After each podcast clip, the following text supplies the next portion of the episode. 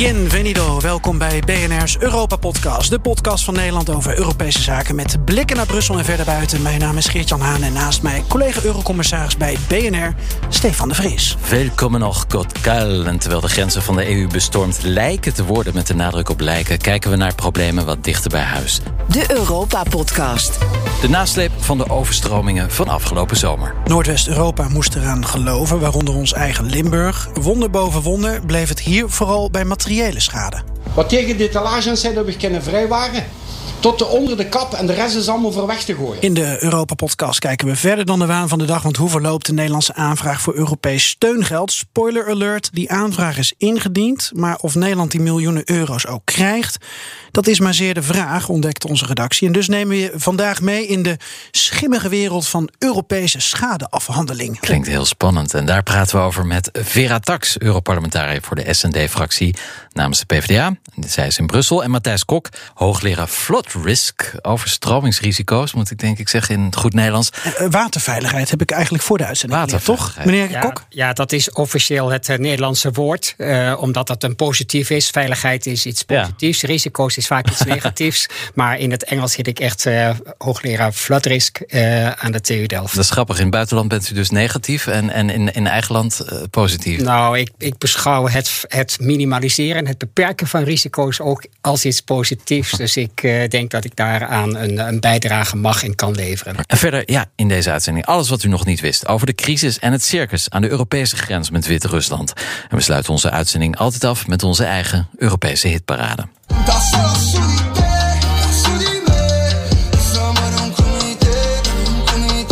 Wat moet ik hiermee? Nou, dat hoor je zo wie dat is. Maar dit nee, is niet... dat was niet de vraag. Wat moet ik hiermee?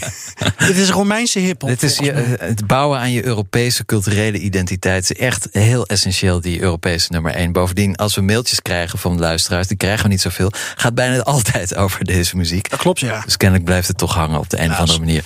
Dit is de BNR Europa podcast. We maken ook wekelijks een radio-uitzending op FM elke woensdagavond tussen 7 en half 8. En we worden dan gegarandeerd niet gestoord door voetbalwedstrijden of andere sportzaken. Gewoon ongecensureerd. Lekker babbelen over Europese zaken. Zenou. En luister je naar onze podcast via bnr.nl. Heel goed, maar je kunt onze podcast ook downloaden in de BNR-app of je eigen favoriete podcastplayer. Zoek ons op Europa Podcast, tip van het huis. Eurocommissarissen Haan en de Vries houden de Brusselse zaken scherp in de gaten. Tijd voor de Europese Week. Het nieuws, we duiken zo in Belarus en Wit-Rusland. Maar eerst even een kort overzicht van wat ons deze week nog meer op is gevallen, Stefan. Nou, eerst Geert-Jan, vers van de pers kregen we net binnen een mail... is dat de Europese christendemocratie met een half jaar verlengd is. Het Gefeliciteerd. Ja, of gecondoleerd, hangt er vanaf wie je tegenover je hebt. Het congres van de Europese Volkspartij zou volgende week... het Eurovisie Songfestival drie dagen lang in Rotterdam plaatsvinden. Maar ja, we kregen dus net het bericht dat het congres is uitgesteld... met een half jaar. We zouden erbij zijn met een uitzending. Maar dat doen we dus over zes maanden. Nou, dus geen Donald Tusk, geen Angela Merkel, Sebastian Kurz... en geen Tom Berendsen in Ahoy. Nee, geen 12 point, uh, ook niet voor het uh, CDA. Want ja, die was de gastheer. Ander nieuws. In heel Europa stijgen de energieprijzen. Heel Europa, nou, in Bulgarije daalden ze de afgelopen week. Want aanstaande zondag gaan de Bulgaren naar de stembus. Nou, die logica snap ik niet. Nou, Gasprijzen en verkiezingen. Ja, zal ik je uitleggen. Bulgarije kreeg uh, deze week een ongebruikelijke prijskorting van hofleverancier Gazprom. Uh, in plaats van met 32% te stijgen, zoals in heel veel andere Europese landen, hoefde het Bulgaarse staatsgasbedrijf Bulgar Gas uh, 33% minder af te rekenen. Oh. Ja, en het komt omdat het Russische Gazprom export extra gas leverde tegen een aanzienlijk lagere prijs. En dat uh, lazen we op de website van Euractiv. Op 14 november, aanstaande zondag dus, stemmen de Bulgaren voor zowel de president als het parlement. Alweer, maar daarover meer. Uh, Rusland hoopt dat de volgende Bulgaarse regering een nieuwe lange termijn overeenkomst met Gazprom zal ondertekenen. Naar het voorbeeld van Hongarije. Gazprom levert ongeveer 70% van het gas in Bulgarije. Uh, dus het is nu even goedkoop tijdens deze verkiezingsperiode. Misschien is het gewoon toeval. Dat kan ook natuurlijk. Ik raad trouwens jou en de luisteraar aan om even onze show notes te bekijken. Want daar vind je een artikel over de Bulgaarse EU-olifant in het Engels. Oftewel uh, een artikel waarin eigenlijk genoemd wordt wat niet genoemd wordt in het debat. Hoe Europa in Bulgarije bediscussieerd wordt namelijk. Dus uh, Europese onderwerpen die komen daar ter sprake. Tip van het Huis voor de Politieke Fijnproevers. En je zei het al, Stefan. Eh, weer naar de stembus. Ja. Voor de derde keer dit jaar. hè? Zeker, Dus er want- is een land waar formeren nog moeilijker is dan in Nederland. Ja, nou ja, nog moeilijker, maar daar hebben ze wel, daar zijn ze wel daadkrachtiger met oplossingen. Dus al voor de tweede keer nieuwe verkiezingen. Eh, en dus goedkopere gasprijs. Misschien is dat een ideetje voor Den Haag. In plaats van die energiecheck of belastingkorting. Gewoon nieuwe verkiezingen en je gas wordt goedkoper. Ze luisteren allemaal. Dan nu een, eh, ja, dan gaan we naar dat andere belangrijke nieuws. De COP26, een korte Europese update.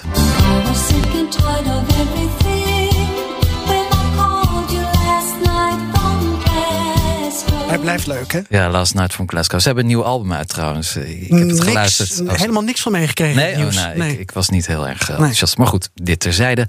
Timmermans. Frans Timmermans. Timmert als EU-hoofdonderhandelaar. Sorry, ik moet lachen. Ik zie dat je die woordgrap hebt gemaakt. Je hebt het gewoon gedurfd. Maar inderdaad, hij timmert aan een aantal klimaatsuccesjes. En één land is dat groene hervormen van Timmermans nu zo zat... dat ze overstag zijn gegaan. Ja, die waren sick and tired of everything. Ehm, zo hoor je in de wandelgangen van Glasgow dat steeds meer landen de Europese CO2-heffing CBAM vrezen. En Turkije is onder die Europese druk bezweken. Ze hebben deze week gezegd: oké, we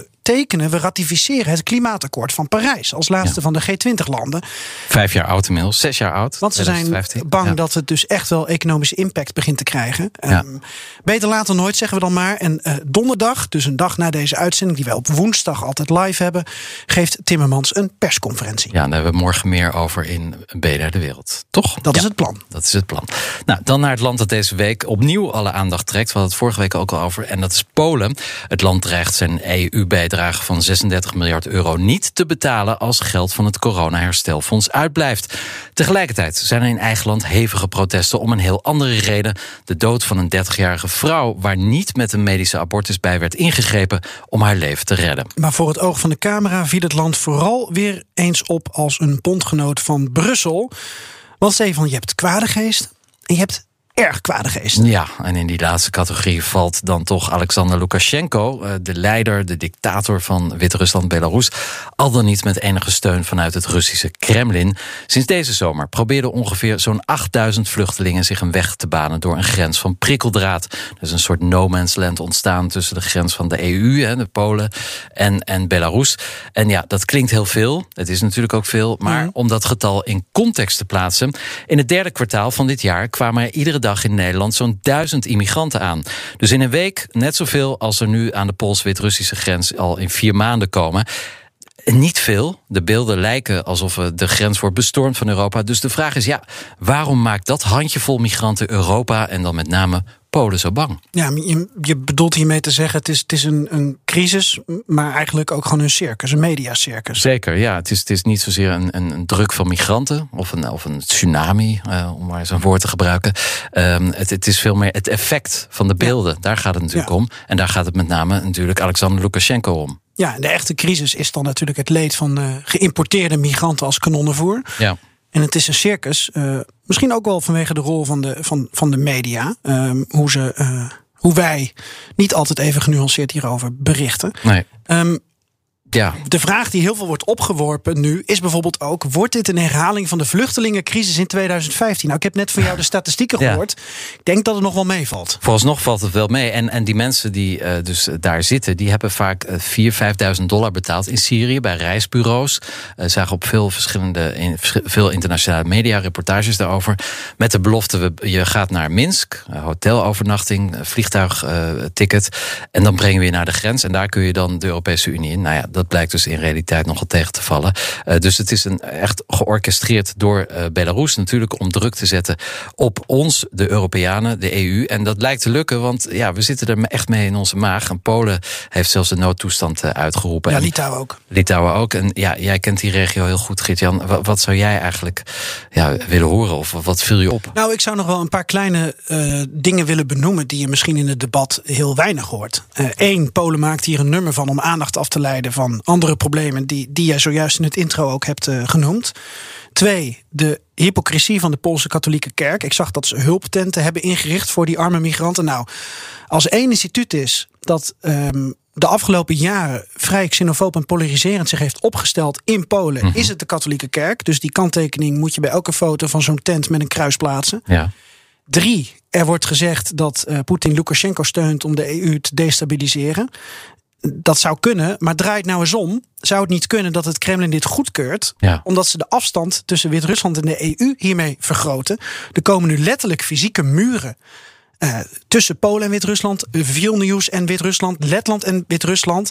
Dus Polen houdt Wit-Rusland nog meer in de invloedssfeer. Draai Ja. het nou eens om. Ja, bedoel, interessant. En ja, zeker. Want hoe verder je Brussel en Minsk uit elkaar trekt natuurlijk... hoe, hoe wijder de armen van Moskou worden, zou ja, je kunnen zeggen. en dan eh, zullen we zien hoe dat in de toekomst afloopt natuurlijk. En, en tot slot, waarom wil Polen niet dat de EU helpt? Eh om pottenkijkers te weren, Ja. ongetwijfeld. Hè, want er is een noodtoestand, de journalisten zijn daar ook aan de grens niet welkom. Maar er is nog een andere reden. Die geeft Klaus Geiger en hij is chef buitenland bij de Duitse krant Die Welt. die Hilfe, die die EU anbietet, ist nicht die Hilfe, die, die Polen eigentlich bräuchte. Polen will die Grenze abriegeln und die EU sagt, ja, wir helfen euch. Und jetzt kommt das Wichtige, nicht bei der Abriegelung der Grenze, sondern bei der Abwicklung von Asylanträgen. Polen will aber gar nicht, dass die Menschen überhaupt ins Land kommen und überhaupt nach Europa kommen und überhaupt Asylanträge stellen. Ja. De Europese Unie wil geen muren bouwen. Hoewel Charles Michel vandaag op iets anders hintte. Maar goed, Ja. dat ter discussie. Eh, de EU wil, dat, eh, wil Polen helpen bij de asielaanvragen. Maar daar zit Polen niet op te wachten. Dus ehm, Polen doet nu iets heel diplomatiek tactisch. Die eh wenden zich tot de NAVO. Ze roepen artikel 4 in van het NAVO-handvest. Namelijk voelt een lid zich bedreigd. Dan heb je het recht om de hele NAVO bij elkaar te roepen.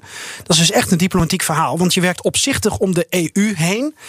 En dat is in het kort dan ook wel een kant, en, een, een kant van het verhaal van deze crisis en van dit circus. ja, meer een circus dus.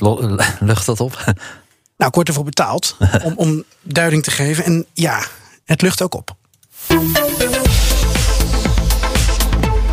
The EU Solidarity Fund was set up in 2002 to respond to major natural disasters, wildfires, floods, earthquakes. All member states and regions can apply within three months of an event. The Commission evaluates applications, the European Parliament and Council approve payments, and states implement them. Vier maanden geleden werd Noordwest-Europa geteisterd door overstromingen. Waren er tornado's in Centraal-Europa en bosbranden in Zuid-Europa. Intussen is de schade deels opgemaakt, ook in ons eigen Limburg. En Nederland heeft vrij recent financiële steun aangevraagd bij het EUSF, het Europese Solidariteitsfonds. Maar op welke schade is die aanvraag nou gebaseerd? Dat wordt om verschillende redenen ons in ieder geval niet helemaal duidelijk. En daarnaast is die aanvraag misschien kansloos en zelfs onterecht. Maar opheldering, hoe zit het nou, wordt niet gegeven. Nou, daar eh, komt Europarlementariër Vera Tax er eh, maar niet achter... of dat Europese geld inderdaad uiteindelijk naar Limburg gaat... of dat Den Haag zelf de miljoenen zal opstrijken. Ja, dat ook nog. En overschat de Nederlandse overheid niet de waterschade? Want een studie onder leiding, als ik dat zo mag zeggen, van Matthijs Kok van de TU Delft toont aan dat de schade mogelijk honderden miljoenen euro's lager uitvalt dan de Rijksoverdienst in eerste instantie heeft vastgesteld. Ja, kortom, deze aflevering van BN Europa duiken we in de schimmige wereld van de Europese schadeafhandeling. En dat doen we met twee gasten. Vera Tax, Europarlementariër voor de SND-fractie namens de PvdA, die hebben we aan de lijn. En Matthijs Kok, hoogleraar Flot Risk, of wat was het in het de positief? Waterveiligheid. Waterveiligheid. Glas is al vol. Ja. aan de TU Delft. Welkom beiden. We- We beginnen met eh, Vera Tax. ja, en mevrouw Tax vanuit de studio in Brussel. Voor wie net niet goed naar de audio luisterde, wat is het Europese Solidariteitsfonds? Ja, eh goedenavond. Eh, ja, wat is het Europese Solidariteitsfonds? Dat het inderdaad bij de inleiding al verteld. Opgericht in 2002 om met name landen of regio's van die landen waar een eh, ramp zich voltrekt, een natuurramp, om daar hulp aan te bieden. Aanvullend aan wat een land natuurlijk zelf moet kunnen bijdragen financieel aan, aan de wederopbouw. Ja, en de Nederlandse overheid heeft dus een aanvraag ingediend vlak voor het verstrekken van de deadline half ja, precies één dag van tevoren. Ja. Eh, welke informatie ehm, bent u eigenlijk benieuwd naar? Want u wilde wel weten wat in die aanvraag stond, toch? Ja, zeker. Eh, kijk, op de eerste plaats eh, ben ik natuurlijk zelf Limburger. Ik ben inwoner eh, van de gemeente Venlo. En ik heb in juli gewoon op die dijk gestaan in het dorp Velde. Waar het water echt nog maar enkele centimeters onder het hoogste punt was. Ik heb gezien hoe vrienden en familie moesten evacueren. Dus je bent gewoon echt onderdeel nou ja, van, van de angst en de stress die er is. En ook in de afhandeling wat dat betekent voor ondernemers die nog steeds geen duidelijkheid hebben. En gelukkig zegt natuurlijk het Nederlandse kabinet: dat komt goed. Jullie krijgen uh, uh, compensatie. En dat is fijn, dat is prettig. Maar daarnaast ben ik ook lid van uh, in het Europese parlement van de Commissie Regionale Ontwikkeling. En die gaat onder, over EU-subsidiefondsen, waaronder dit fonds. En ik was dus heel benieuwd als die Europese Limburger. Nou, gaat Nederland aanvragen. En als ze aanvragen, wat gaan ze aanvragen? En hoe wordt die schade, aan wie wordt die schade vergoed? Omdat je natuurlijk, je kunt als kabinet dat geld gebruiken om je eigen kosten, zeg maar, terug te verhalen. Maar je kunt natuurlijk ook decentrale overheden daarvoor inzetten, die uh, bekostigen. Nou, en dan moet je denken aan provincie, veiligheidsregio, waterschappen, maar ook gemeenten. En ja, in het verleden ben ik zelf wethouder geweest in zo'n gemeente. En ik vind het gewoon belangrijk om te weten wat is het doel van het, uh, van het huidige kabinet, van het demissionaire kabinet. Gaan ze ook die regionale overheden compenseren dan als ze geld krijgen uit Europa? En waar bent u nou wel achtergekomen en waar bent u niet achtergekomen? Nou, en ik ben op veel zaken nog niet achtergekomen. En dat is een beetje frustrerend, kan ik wel zeggen. Omdat uh, ik moet veel vragen stellen. En als ik niet een hele specifieke vraag stel, dan krijg ik geen antwoord. Aan wie stelt u die vraag, als ik vragen mag? Uh, aan het uh, verantwoordelijk is het ministerie van Buitenlandse Zaken voor deze aanvraag bij de Europese Commissie. En dan heb je contact via e-mail met, uh, met mensen die daar werken, met ambtenaren. Maar is dat net zoals wij journalisten door een woud aan voorlichters en woordvoerders moeten? En, en u probeert er dan nou, misschien in contact met medewerkers doorheen te komen? Um, ja, zeker. Gewoon, je, je, wilt, uh, je bent benieuwd daar. Zeker ook omdat een land als België bijvoorbeeld daar zelfs een persbericht aan gewijd heeft. En het is gewoon uh, inzichtelijk. Uh, ze maken, zijn daar open en transparant over. En ik was ook gewoon benieuwd, nou, wat heeft Nederland aangevraagd? En hoe willen ze het gaan inzetten? En nou ja, um, daar heb ik verschillende malen over ge-mailed. En ik krijg een beetje antwoorden, maar vooral ook nog geen antwoorden. En dan word ik als politicus wel een beetje extra wakker, want dan denk ik, ah. Ja, maar... als het zo moeilijk is om antwoorden te geven, dan stel ik blijkbaar goede vragen. Ja, waar, dat denken wij ook altijd. Waar rook is, is vuur. um, We krijgen ook nooit de antwoorden. Nee, nee. um, maar u zou denken, ja, een Europarlementariër die heeft, zit misschien wat hoger in de boom dan wij als bescheiden journalisten. Laten we even naar Matthijs Kok gaan. U bent hoogleraar, dus uh, flood risk. Uh, wat is uw Waterveiligheid. Waterveiligheid, pardon. Wat is uw betrokkenheid precies bij dit uh, Limburgse dossier? Nou, we hebben uh, vanuit de TU Delft uh, samen ook met uh, Deltaris en met het expertise-netwerk Waterveiligheid een fact-finding gedaan naar de overstroming in, in Limburg. Ja. Om zo goed mogelijk vast te leggen wat daar nu gebeurd is. En wat we ook gedaan hebben, is een schatting van de schade gemaakt die dat met elkaar heeft opgeleverd. Maar ook de toestand van de dijken. Hoe, hoe zat dat eruit? Dat is natuurlijk wetenschappelijk interessant. Ja. Hoe doet u dat dan? Gaat u dan met kaplaarzen aan letterlijk daar rondlopen? Nou ja, we zijn hier, hier kwam het door. Ja, nou, dat heeft uh, collega's hebben dat gedaan. Ja, ja. Uh, die hebben naar de waterkeringen gekeken. Ik heb zelf uh, naar de schade gekeken. En wat je mm -hmm. dan doet, is dat je dan naar Valkenburg gaat, wat een van de, de hotspots is van de, van, de, van de gebeurtenis waar heel veel schade heeft plaatsgevonden. Dan ga je daar een aantal keren naartoe en, en praat met, met de ondernemers, met de horecamensen, wat er gebeurd is. En om dat ook daadwerkelijk te zien.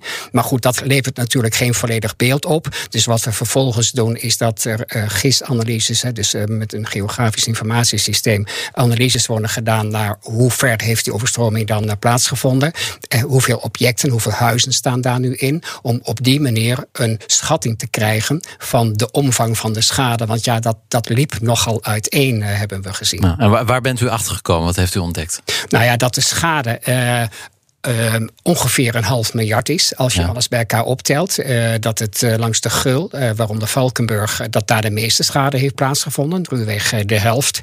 langs de, de, Maas veel minder. Ook veel minder dan in 93, 95, waar okay. een vergelijkbare afvoer heeft plaatsgevonden.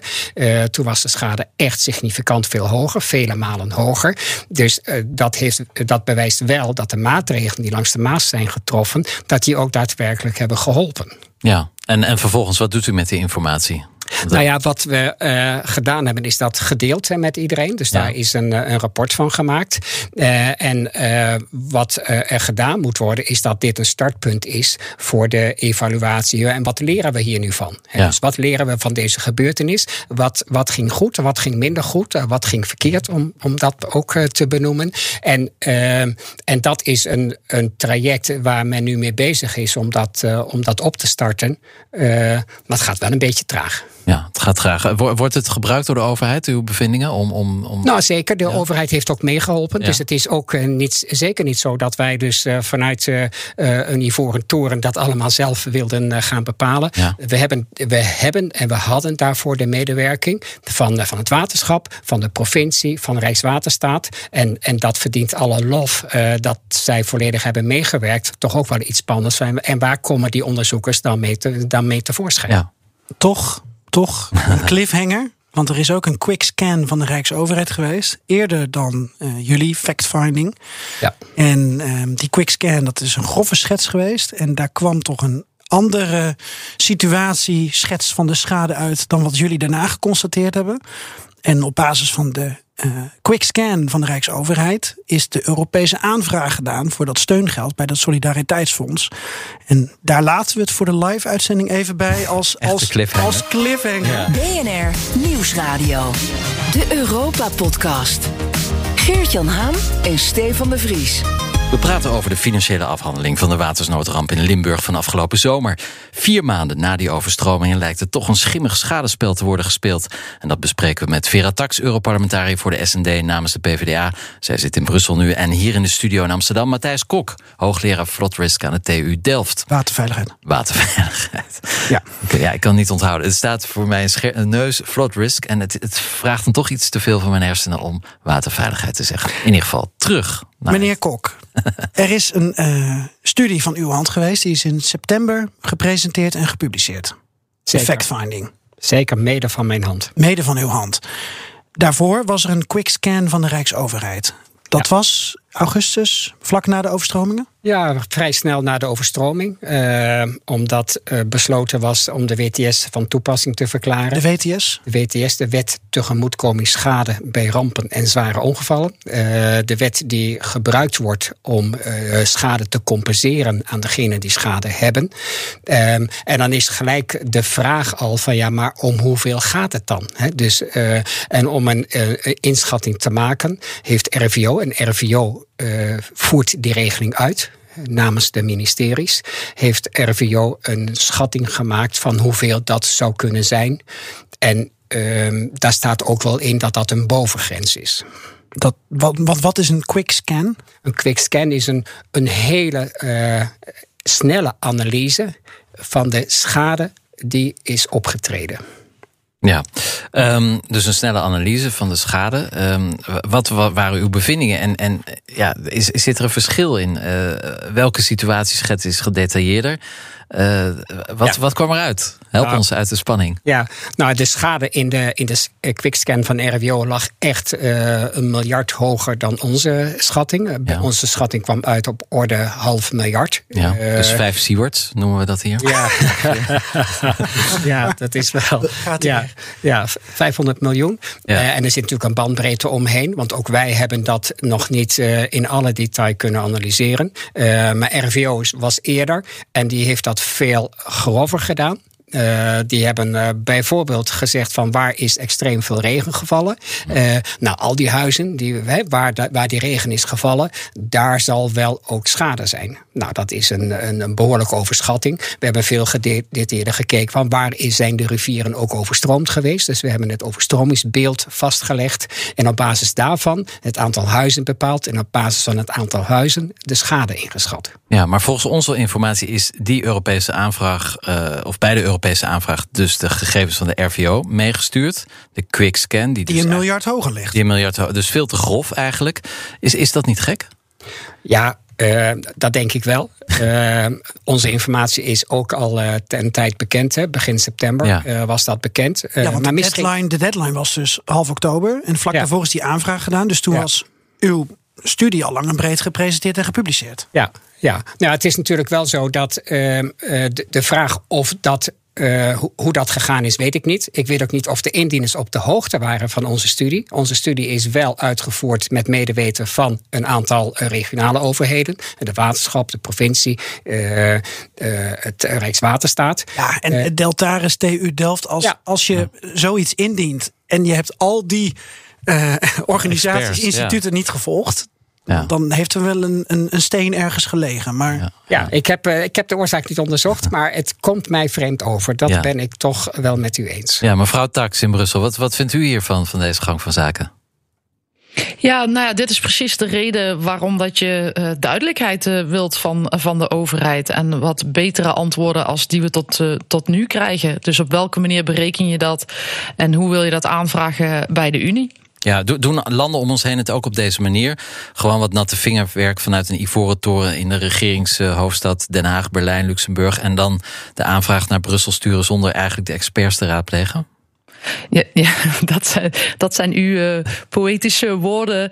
Eh, eh, ik vind het gewoon belangrijk, inderdaad, om dan de juiste antwoorden op die vragen Ja. te krijgen. En, en ja, dit is een heel groot verschil, bijvoorbeeld. En waar ik graag naar gevraagd heb en nog steeds niet heb gekregen, is: hè, het fonds zegt je moet aan verschillende criteria voldoen. Nou, hoe hebben ze die criteria dan ehm, zeg maar onderbouwd? En dan zou je bijvoorbeeld ook een antwoord kunnen krijgen op het verschil tussen de beide rapporten zoals ze nu voorliggen. En waar ik met name dan ook naar benieuwd ben, is op welke manier zou het kabinet dit geld dan ook wil, willen teruggeven aan de decentrale overheden. En ook daar doen ze geen uitspraak over. En dat betekent dat Den Haag ook zou kunnen besluiten om het alleen het geld voor Den Haag te houden. En nou ja, dat zou ik een slecht idee vinden. Matthijs Kok, weet u toevallig hoe de andere landen dat hebben gedaan? België, Duitsland en Luxemburg, die ook getroffen zijn? Nee, ik weet niet hoe Nee. dat eh, gedaan is. Ik weet wel dat de schade daar substantieel hoger Ja. ligt dan in Nederland. Maar daar wordt toch ook wel veldwerk gedaan? Zeker, zeker. En, eh, maar ik ben daarvan niet op de hoogte. Ik Nee. weet wel dat eh, universiteiten daar bezig zijn om de, de schade te schatten. Eh, maar dat is ook nog best lastig. eh, want je ziet een, een, een, een kapot huis op tv. eh, maar dat is maar één huis. Of dat zijn tien huizen. Maar het gaat natuurlijk om het volledige beeld. En dan heb je dus andere informatiebronnen nodig. Heeft u wel uitwisseling met die instituten in de andere landen? Eh, op universiteitsniveau wel. eh, maar ik weet niet of de overheden eh, of die daar ook over contact hebben. Dus we hebben contact met, eh, met de universiteit in Potsdam, nabij, eh, vlakbij Berlijn. Eh, en die zijn ook bezig om onderzoek te doen. Eh, die zijn daar ook druk mee bezig. Ik heb nog geen eh, resultaten gezien van hun analyses. Nee. Nou, ik, ik snap, het zijn schattingen. Maar de, de, de, de schets van een half miljard of anderhalf miljard, die, die vind ik nogal. eh, Dat is een behoorlijk grof, eh, drie keer zoveel. Ja. ja, en, en u geeft aan ook, er is een bandbreedte, eh, zowel bij de quickscan als bij u. En komt het dan wel nader tot elkaar of wordt het dan alleen maar groter, het gat? Nou, ik, ik, ik, eh, we gaan dat zien, hè, want de schade-experts zijn nu op stap. Eh, en de schade-experts eh, die schatten de daadwerkelijke schade. Dus, Ja. eh, en ik heb van, van verzekeraars gehoord dat eh, onze schatting wel, eh, en dat is maar een deel van de schade, eh, wel overeenkomt met hoe wij dat hebben ingeschat. Maar die zullen Dus wel ik- blij ik zijn met uw schatting, want het hoeven ze minder te, te betalen. Nou, dat weet ik niet, want die schades worden heel zorgvuldig geschat door de Ja. schade-experts. eh, eh, en dat zie ik ook wel. Ja, even terug naar waar het om gaat. Het geld uit het Solidariteitsfonds om de mensen te helpen in Limburg en de andere regio's in Europa. Ehm, Ja, we hebben overal luisteraars, hè? Uiteraard, ik mag het wel hopen. ook op Malta. Eh, nou ja, dat is het voordeel van podcasts. Die zijn overal in de wereld te beluisteren. Maar laten we kijken of Nederland met die eh, aanvraag dan ergens op uitkomt. Geert-Jan, kan je nog even een kleine voorzet geven? Ja, want die aanvraag is dus de RVO-aanvraag Ja. uiteindelijk geweest. eh, van nogmaals een, een anderhalf miljard schade ongeveer. Met nog een bandbreedte. ehm, maar afwijkend dus dan die van eh, eh, meneer Kok en zijn collega's. Ja, dat Europese Solidariteitsfonds bestaat sinds 2002. En dan heb je ja, klassificaties. Dus in het geval van een natuurramp in Nederland is het vrij duidelijk een regionale natuurramp. En daarmee valt het onder de klassificatie NUTS 2. Dat is dan een Nederlandse klassificatie of Europees? Europees, want het valt binnen zo'n regio op basis van de grootte van de provincie, aantal inwoners. Want eh, NUTS 1 is dan eh, eh, een, een deelstaat in Duitsland, veel groter, Ja. grote inwoneraantal, een andere verdeelsleutel. Ja. Nou, hoe kun je dan dat verzoek tot steungeld indienen? Want daar zijn we zo benieuwd naar. Via een aanvraagformulier. Ehm, te vinden via een website binnen 12 weken na de ramp, 10 tot 12 weken. En Nederland heeft dus vlak voor de deadline die aanvraag gedaan. Nou, vinkje, eh, goed gedaan. En dan wordt het ingewikkelder, want anderhalf procent van het BBP van in dit geval Limburg, want overduidelijk regionale natuurramp, wordt dan gehanteerd. En het gaat dan om directe schade, als ik dat goed lees. Dus in het Engels staat er, en dan zal ik het verder niet te ingewikkeld maken, maar toch even kort voor de mobilization of the EU Solidarity Fund, regional thresholds at NUTS 2 level apply, whereby total direct damage must exceed 1.5% of regional GDP. En dan wordt het dus, Ja, als dat klinkt heel technisch, maar hoe, om hoeveel poen gaat het nou eigenlijk? Eh, het, het- Limburg heeft dus een, een BBP van 44,5 miljard euro. Ja. En dan kom je dus uit anderhalf procent op 667 miljoen euro. En dat is al uitgerekend, dat staat in een Excel-sheet bij Ja, ja. op de website. Dat, dat geld zouden de Limburgers kunnen krijgen.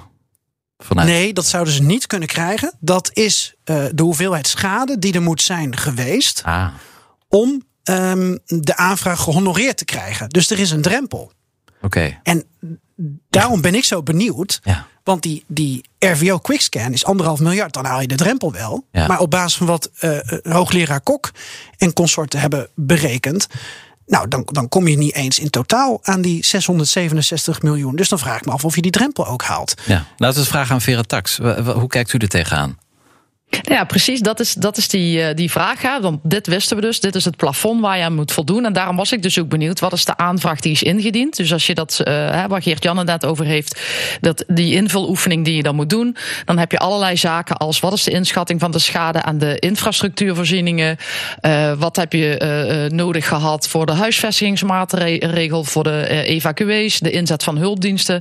Dat moet je allemaal aangeven. En daarom heb ik ook die vraag gesteld van. Goh, hoe heeft u dat nu ingeschat? En op welke wijze wilt u dat dan ook teruggeven aan de decentrale overheden? Want eh, een veiligheidsregio heeft de kosten van, eh, eh, van het herhuisvesten van, van evacuees bijvoorbeeld. Daar was ik gewoon benieuwd naar. Maar ik denk als we die antwoorden hebben, dan als we dat geld aan krijgen, dan komt het ook op de juiste plek terecht. En dat zou ik graag willen controleren. Ja, Ehm, dat, nou ja, dat vraag antwoord krijgt staat u dus niet. open. Ja, dat, dat is Nee. opmerkelijk. Ja.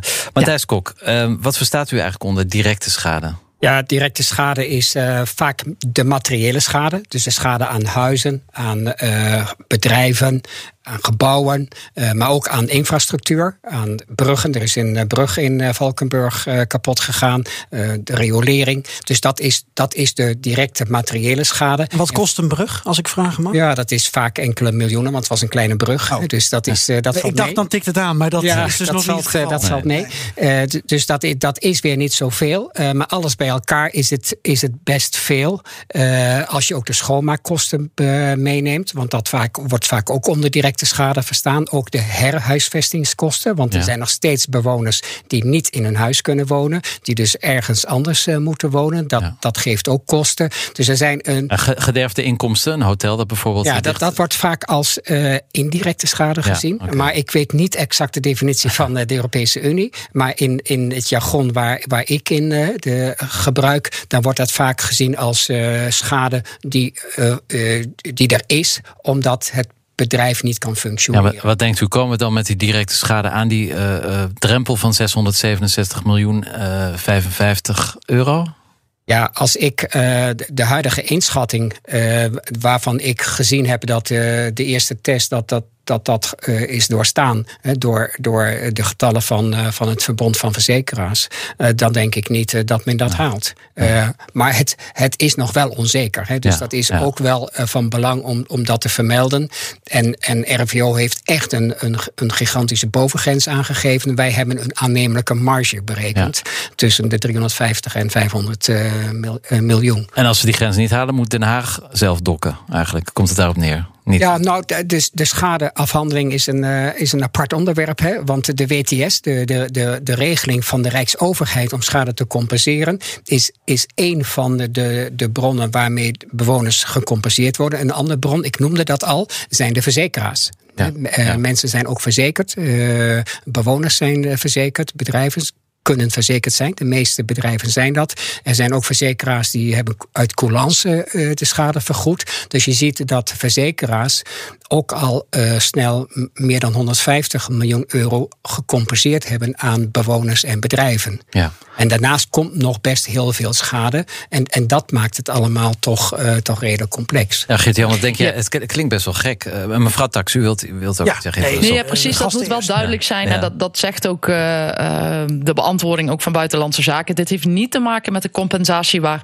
individuele bewoners recht op hebben. Het Europese geld is echt bedoeld voor het compenseren van het herstellen van infrastructurele werkzaamheden en dat soort zaken. Dus dat zijn zeg maar eh, centrale of decentrale overheidskosten. Ja. Dus ik zou niet willen dat burgers zich nu zorgen maken als ze naar deze podcast luisteren dat zij misschien niet gecompenseerd worden. Nee, het gaat Want puur dat om is de- zeker niet het geval. Het gaat puur om de boekhouding eigenlijk tussen Den Haag, de regering En de Europese Commissie in Brussel. En Limburg. Nee, nee, nee. En de decentrale overheden. Want dat, nogmaals, dat is mijn, mijn punt. Hè. Stel, stel dat eh, Den Haag eh, die compensatie krijgt. Maar in hoeverre is Den Haag bereid om het terug te brengen naar de decentrale overheden? Gemeentes eh, eh, hebben ook, eh, die zullen toch ook aan de wegen moeten werken.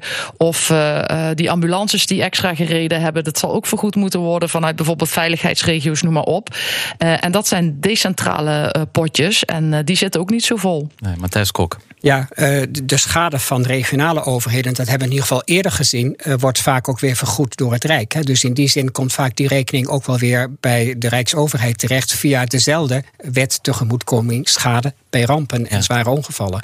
Dus het, het kan best zijn dat, het dan, eh, dat deze aanvraag toch met name bedoeld is om de kosten voor Den Haag wat, wat verder te beperken. Maar als ik u goed luister, beluister, mevrouw Tax, dan, dan weet u eigenlijk niet eens of die miljoenen euro's uiteindelijk wel naar de provincie Limburg gaan. Kan, kan Den Oh Haag. ja, nou Limburg zeg. Limburg, sorry. Kan, kan Den Haag dit geld gewoon houden, omdat het eigenlijk rijksuitgaven betreft? Ehm, nou, ze mogen het. Nee, ze moeten onderbouwen, maar ook controleren, dus het kabinet zelf, eh, waar ze het geld aan uitgeven. En daarom is het mijn vraag: als u het geld krijgt, bent u ook voornemens om het eh, daar neer te leggen waar de kosten ook gemaakt zijn? Of wilt u dat op een andere manier eh, dat geld inzetten? Die keuze is aan eh, het kabinet. En daarom ben ik ook zo benieuwd naar het antwoord. Ja.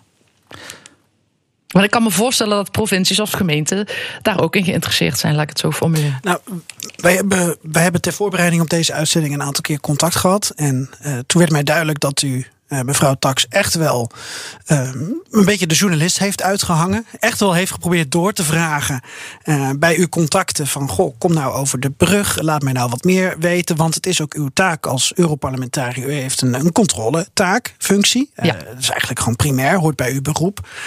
En u duidt, u, ja, u, u komt dus terecht in een soort woud waar u niet eigenlijk eh, goed wordt geholpen. Want ik begreep wel dat er eh, constant werd benadrukt: ja, de, de burgers en de bedrijven die hoeven niet bang te zijn, want die krijgen hun geld wel. Maar dat was ook niet waar u bang voor was. U wil eigenlijk gewoon weten: ehm, ja, hoe wordt dat eh, geld gealloceerd? Ja, precies. En met name ook, maar dat, dat zei ik straks al. Kijk, ik ben zelf natuurlijk wethouder geweest in een gemeente. Eh, en het is gewoon eh, heel belangrijk dat je van het Rijk eh, geld krijgt om de kosten die je gemaakt hebt ook vergoed te krijgen. En krijg je dat niet of krijg je dat te weinig, ja, dan gaat het soms ten koste van een sluiting van een zwembad of minder geld voor andere werkzaamheden in je gemeente. Dus ik was vooral benieuwd welk geld blijft dan bij Den Haag en welk geld gaat naar de decentrale overheden. En tot op de dag van vandaag heb ik dat antwoord niet. Nu is dat niet zo erg. Ik blijf gewoon doorvragen. En gelukkig zijn er ook journalisten die mee kritisch zijn. Uh, en uiteindelijk is het dan zo van ja, goed, dan ga ik ook mijn collega's in de Tweede Kamer inschakelen. Als ik echt denk van nou, dit begint de spuigaten uit te lopen. Uh, kijk, Tweede Kamerleden kunnen natuurlijk op een andere manier vragen stellen. Ook uh, aan ministeries, aan, aan verantwoordelijke ministers, noem maar op. Ja. Dus in die zin is het verhaal nog niet, uh, niet af, nee. Nee, en het, maar het gaat ook eigenlijk niet zozeer om dat geld, om die miljoenen. Ja, alle, alle extraatjes zijn leuk, maar inderdaad, uh, u benadrukt beide, het, het kabinet en de verzekeraars, uh, zaken worden in principe vergoed. Dus dat Europese steungeld, dat is een meevallen. Ja. Maar het is natuurlijk ook voor de beeldvorming als wij uh, in allerlei media, zowel regionaal als landelijk, lezen van god, er is een aanvraag gedaan, dan ga je ervan uit dat die aanvraag kansrijk is. Um, en op basis van de informatie die we nu met u vergaren, weten we niet eens of die kansrijk is, want we weten niet wat er precies is aangevraagd. En, en dat is zo schimmig en raar aan deze gang van zaken. Want waarom zou je daar geheim over doen? Meneer Kok, waarom zou je hier geheim over doen? Ja, ik heb er werkelijk geen idee.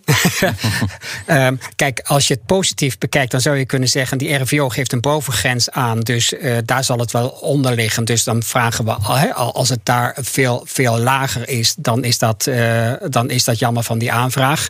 Um, als je het wat negatiever bekijkt, dan zeg je van ja, er is uh, strategisch gehandeld om die schadeinschatting, die, die aannemelijke schadeinschatting, om, om dat wat buiten beeld te laten. Ja, hoe nu verder, mevrouw Tax? Wanneer komen die luttele miljoenen eigenlijk uh, in het slepende proces bovendrijven?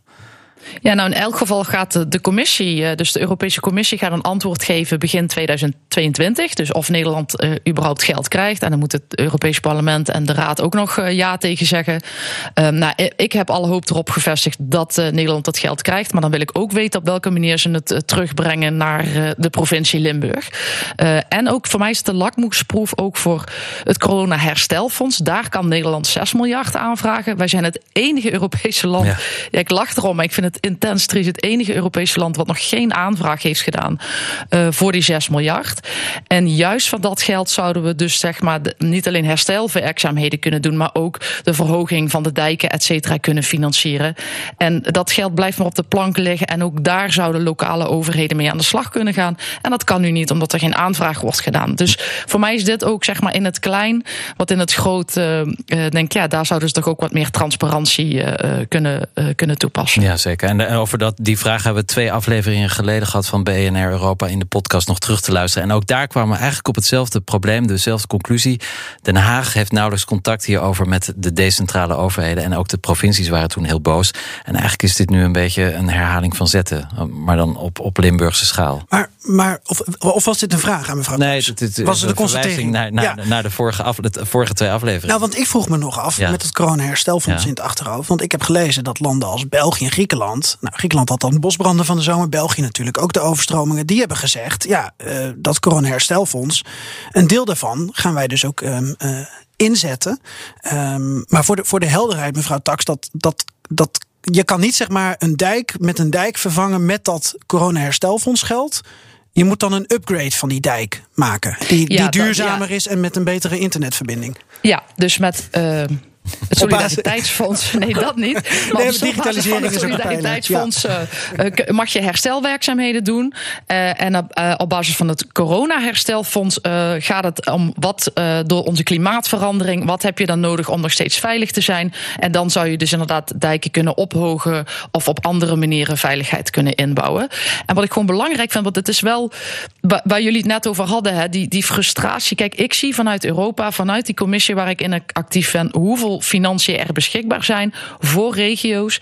En ja, het komt ook echt omdat ik zelf uit een regio kom natuurlijk. Dan zit je met je subjectieve bril. En dan denk ik, hier is zoveel te halen in Europa. Maar omdat. ehm, toch Rutte vaak doet van, nou ja, we betalen al zoveel aan Europa. Eh, op de een of andere manier, eh, ik weet niet waar die weerstand zit om het geld op te halen. Eh, maar dat is intens triest en jammer. En het, zeker voor decentrale overheden. En ik weet dat provincies samen met het Huis van de Provincie daar heel hard aan trekken. Ehm, maar dan ben je toch met twaalf provincies. En dan, dan is het soms lastiger om je statement te maken bij het kabinet. Ja, Ja. er zal nog heel wat eh, water door de gul moeten stromen voor de onderste steen boven komt. Kunnen we concluderen, ehm, beide, als ik met meneer Kok mag beginnen. ehm, kunnen we concluderen dat de Nederlandse overheid een onjuist beeld van de schade schetst?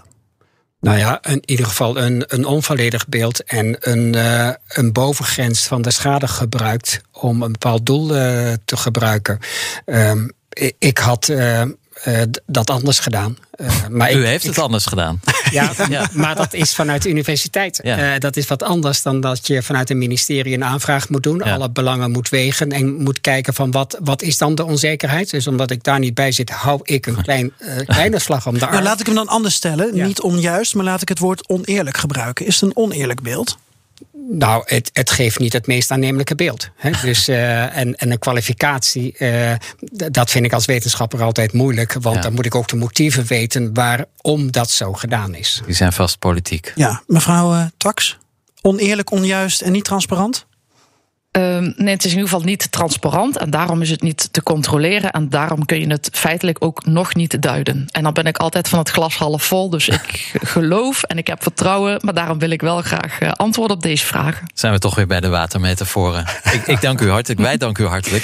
Vera Tax. Stortvloed aan informatie. Ja, een tsunami aan euro, eh, bla bla. Europarlementariër voor de SND namens de PvdA. U zat in de studio in Brussel en hier in Amsterdam in de studio. Matthijs Kok, dank voor uw komst, hoogleraar aan de TU Delft. In In, in Flood Risk. Ja. De nummer 1 in. Zoals iedere podcast besluiten we met de Europese hoogcultuur de meest beluisterde muziek in een van de lidstaten. Waar kwellen we deze week? De luisteraars mij en vooral, waar kwel je mij mee, Stefan? Nou, we hadden kunnen kiezen voor Ode aan de Vreugde. Meneer Kok doet zelfs zijn- koptelefoon al af, want hij kent dit programma en hij weet dat er rampzalige muziek komt. Nou, eh, oké, dat eh, vandaag, woensdag dat we dit opnemen, is de geboortedag van Friedrich Schiller. ja. Ja, ja, ja, die kon ik wel waarderen. Die kon je wel waarderen. Nou, die schreef de Evergreen, de Europese Evergreen, de tekst van Ode aan de Vreugde. Nou, die heb ik maar niet gekozen, maar toch een kleine eh, happy birthday to you aan Friedrich Schiller. En wat dan wel? Nou, daar komt hij.